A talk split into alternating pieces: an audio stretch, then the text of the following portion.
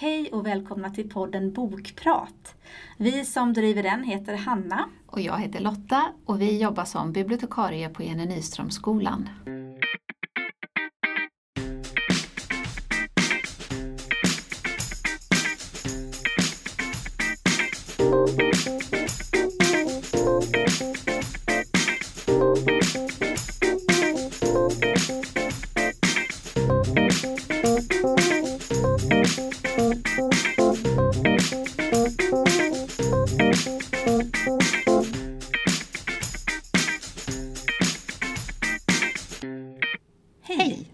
Det dags att podda igen. Jajamän. Och du har ju med dig en bok som inte är helt ny men ändå något du har nyligen läst. Ja, den har ju funnits några år i Sverige.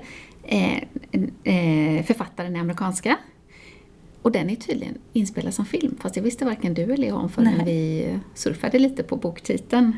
Men boken heter Ingenting och allting och den är skriven av en kvinna som heter Nicola Joan, eller ja, June kanske. June kanske. June. Ja. Ja.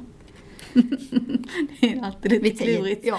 med en del utländska namn. Ingenting och allting i alla fall. Det är en ungdomsbok och här får man följa en flicka som heter Maddie. Den är ju ganska tjock som du ser här, men kapitlerna är väldigt korta. Ofta bara någon sida eller två eller tre och ibland bara en halv sida.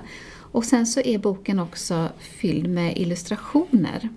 Och först i början tänkte jag lite att de att du vet, man hoppar nästan över dem lite, fast de fyller faktiskt en funktion. Istället för att författaren berättar vissa saker så eh, ser man det i bilderna. Bland annat så, lite längre bak i boken, så kommer jag ihåg att Maddie, då, huvudpersonen, hon ska beställa ett kreditkort på nätet. Och det, det sägs aldrig någonstans i texten, men en illustration av ett kreditkortsansökan Mhm. ja, säger ju precis det. Det. Så att de fyller liksom en funktion, det är inte bara att fylla sidor eller man ska säga. Så man ska Nej. nog ta sig lite tid och läsa dem.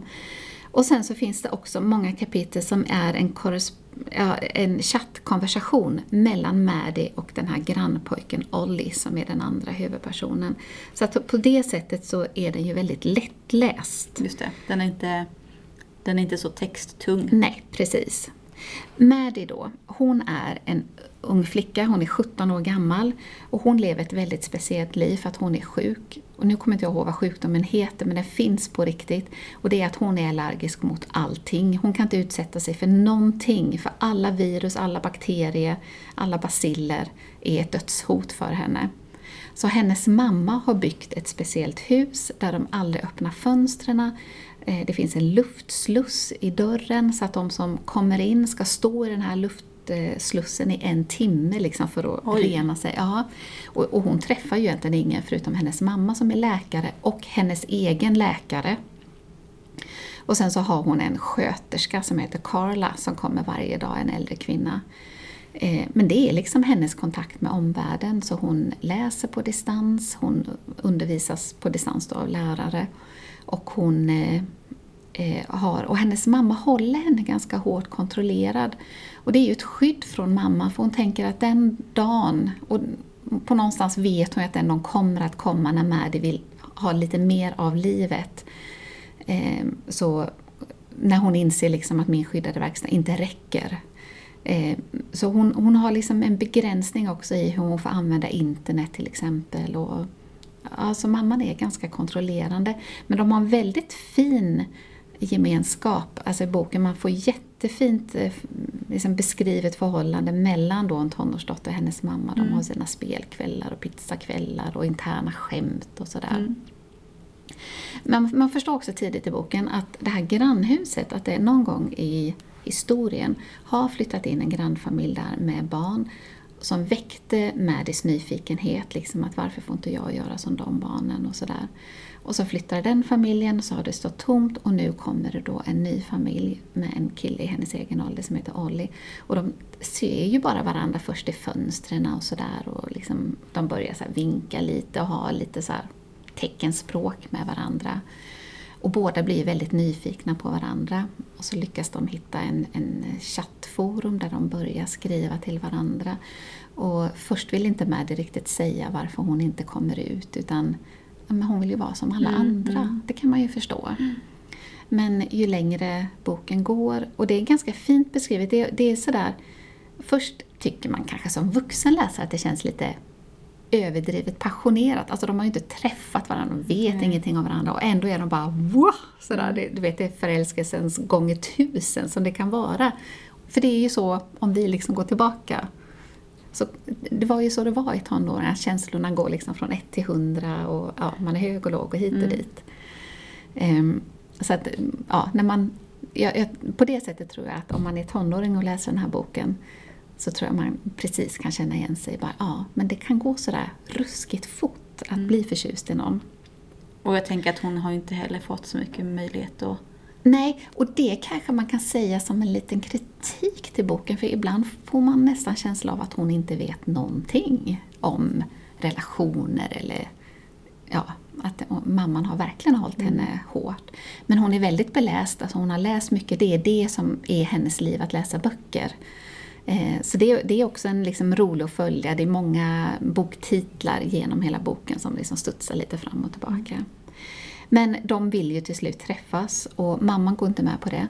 Eh, jag tror inte ens en gång de frågar mamman, men däremot Karla, den här sköterskan, förstår ju att Maddy behöver någonting mera. Och Maddy själv kommer ju lite till den insikten att men är mitt liv värt att leva utan en enda risk? Måste jag inte ta vissa risker för att känna livet inom mig? Du vet, lite så.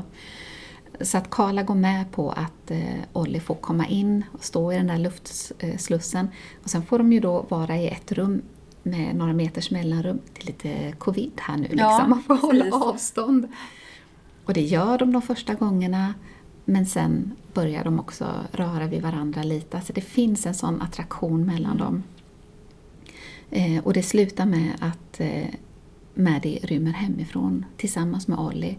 Hon bara, jag vill ha en helg som jag kan känna mig som vilken tonåring som helst. Och hon vet ju att Ollie aldrig skulle gå med på det för att han vet ju om hennes sjukdom nu och vet hur farligt det är. Men då säger hon att hon har beställt några tabletter på nätet, en ny forskning som inte är godkänd ännu men som har gett bra resultat. Och då går Ollie Hon med på det. honom Hon lurar honom. Mm.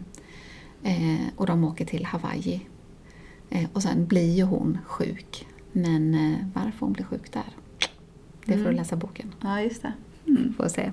Men, en, ja, men det känns lite, vi har flera exempel på såna här äh, olyckliga kärlekshistorier. Jag tänker på den här Förr eller senare exploderar jag, Green. Ja, det är lite, och jag för mig att det finns en tv-serie som inte jag minns namnet på nu, men just det här ung kärlek på sjukhus. Det verkar vara Ja, en liten trend just Mm, nu. precis. Och den här är ju eh, en i den trenden.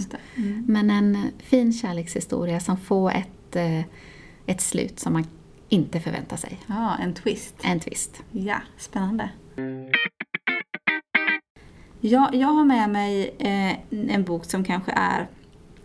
Alltså jag får ändå intrycket av att även om din har ett allvar så kan den ändå vara lite feelgood också. Mm. Lite mysig. Mm, ja men det är den. Eh, och den här har ju också ett väldigt allvarligt tema och ett väldigt allvarligt innehåll.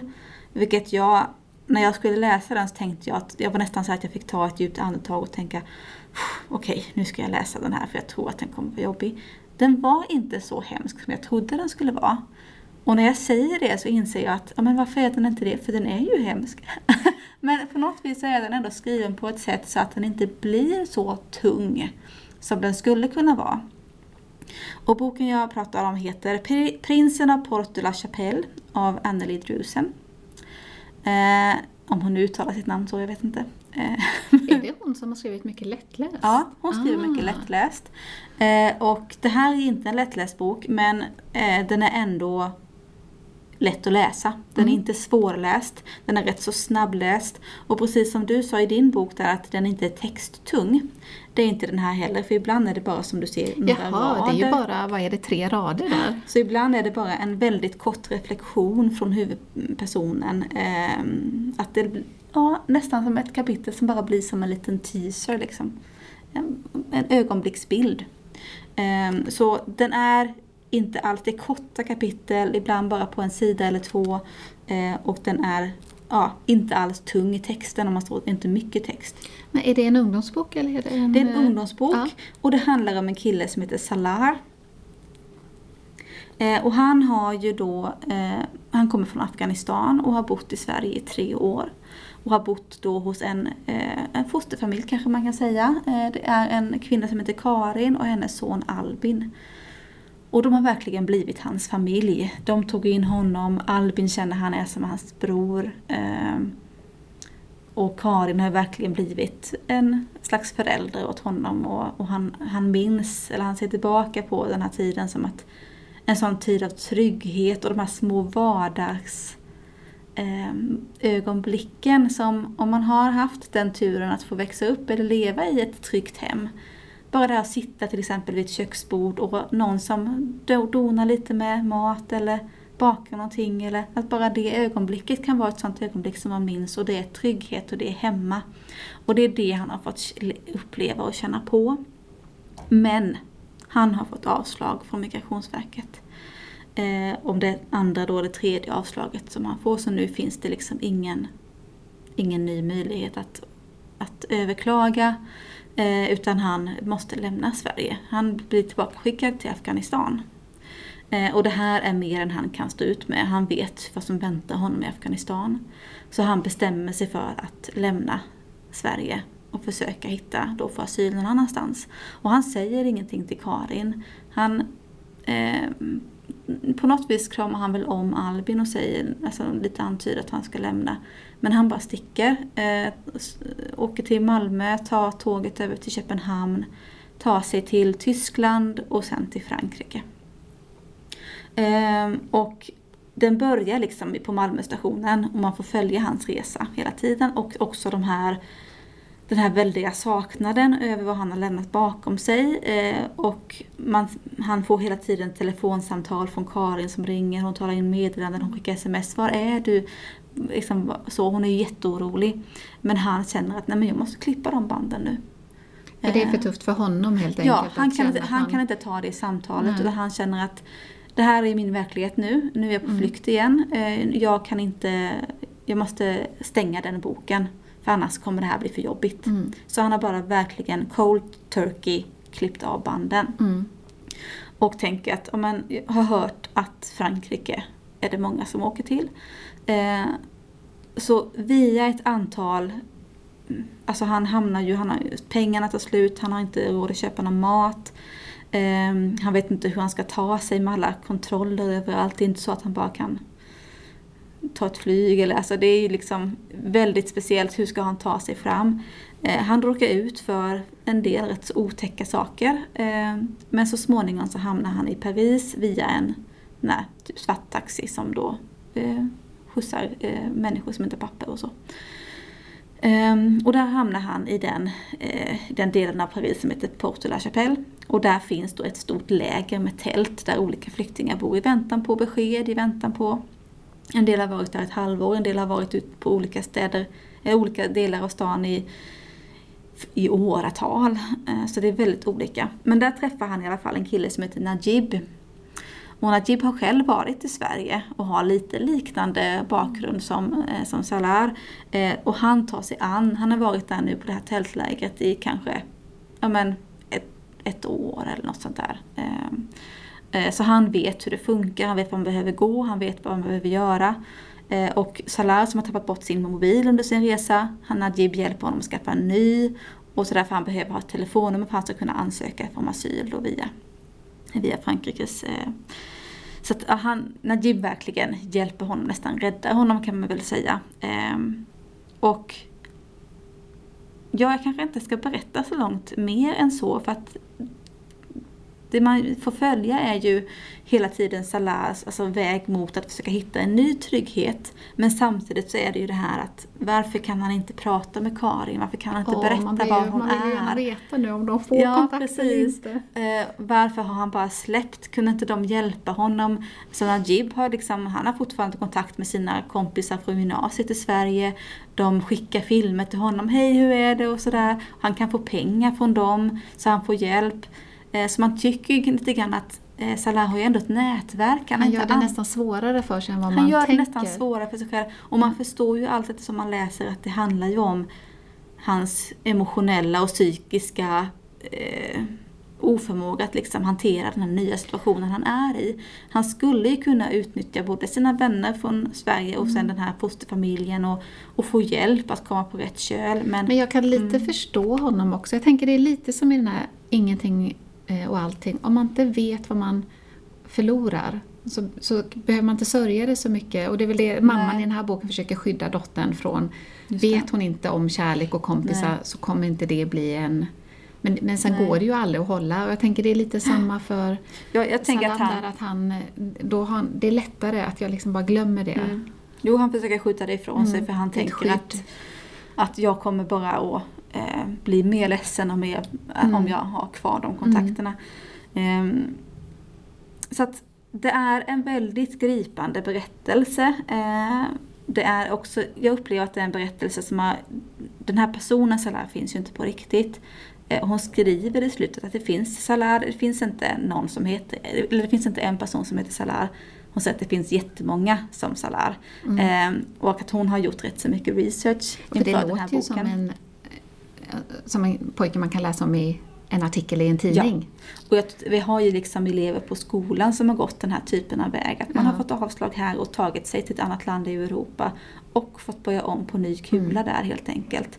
Eh, och hur den resan ser ut är ju saker som man kanske sällan får så mycket Mm. information om. Eh, men här får man ju en, en bild av utifrån då vad författaren har fått reda på via intervjuer och annat. Hur kan resan se ut för någon som inte har rätta pappren och som inte har godkända alltså, ID-handlingar och sådär. Eh, han lever ju i ständig rädsla för att polisen ska ta honom Mm. och skicka tillbaka honom Mm. till Sverige.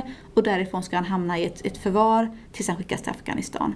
Eh, så han- det är verkligen det bästa som kan hända och han Har gör han allt för att kontakt? undvika det. Har någon kontakt med sin biologiska familj? Nej, Nej. Eh, och där, man får inte jättemycket veta vad som har hänt där. Ehm, men man förstår ju att han inte har den familjen kvar om man säger så. Ehm, utan han kom ju själv till Sverige eh, och ehm, ja, han Mm. är själv kan man Mm. säga. Men som sagt, som jag sa där innan att ehm, den är ju väldigt allvarlig och på många sätt väldigt hemsk men samtidigt så finns det tycker jag en, en värme i den. Och ibland finns det också lite humor. Eh, den här Najib ty, tycker jag har rätt så kul inställning till saker. Och, eller kul, men alltså han har ändå så pass positiv fast han har eh, haft det rätt så eländigt rätt så länge. Eh, så att det finns ändå en värme tycker jag och eh, något slags hopp i den som gör att jag tycker att den är inte så nedslående som jag trodde att den skulle vara. Så jag tycker att även om man om man känner att "Ja, men jag vill inte läsa någon sån här gravallvarlig bok som är nästan en, en dokumentär över eländet i världen. Det tycker inte jag den här är. Men den lyfter ju och är ändå eh, trovärdig i hur den lyfter ett allvarligt problem. Mm. Alltså, eller ett, eh, ja, hur många människor tvingas leva på grund av de lagar och regler som ibland inte är logiska någonstans. Nej, och ibland är det ju så svårt att ta, sig, ta till sig sådana saker när man läser i, tidningar och i våra medier. Mm. Ibland är det ju ett så bra sätt att få det till sig i en skönlitterär Ja. bok. Det kan vara lättare än att Ja. läsa nyhetsuppdateringar. Ja. att läsa det här. För då får man en annan, man får en bild av hur det är men det blir inte på samma sätt. Nej. Eh, Så att, ja, jag tycker att den var väldigt läsvärd och som sagt eh, inte särskilt svår. Eh, jag tyckte den gick rätt så snabbt att läsa. Eh, och samtidigt då som den var väldigt gripande och man Mm. kände med personerna i boken. Och vill man låna de här böckerna så finns ju de nu på Jennys bibliotek. Yes. Och det är ju fortsatt så att är det så att man inte är på skolan eller har ärende in till skolan eh, under en viss tid så kan man ju få böcker hemskickade. Då är det ju bara att mejla oss så fixar vi det. Yes. Tills nästa gång. Hej då! Hej hej!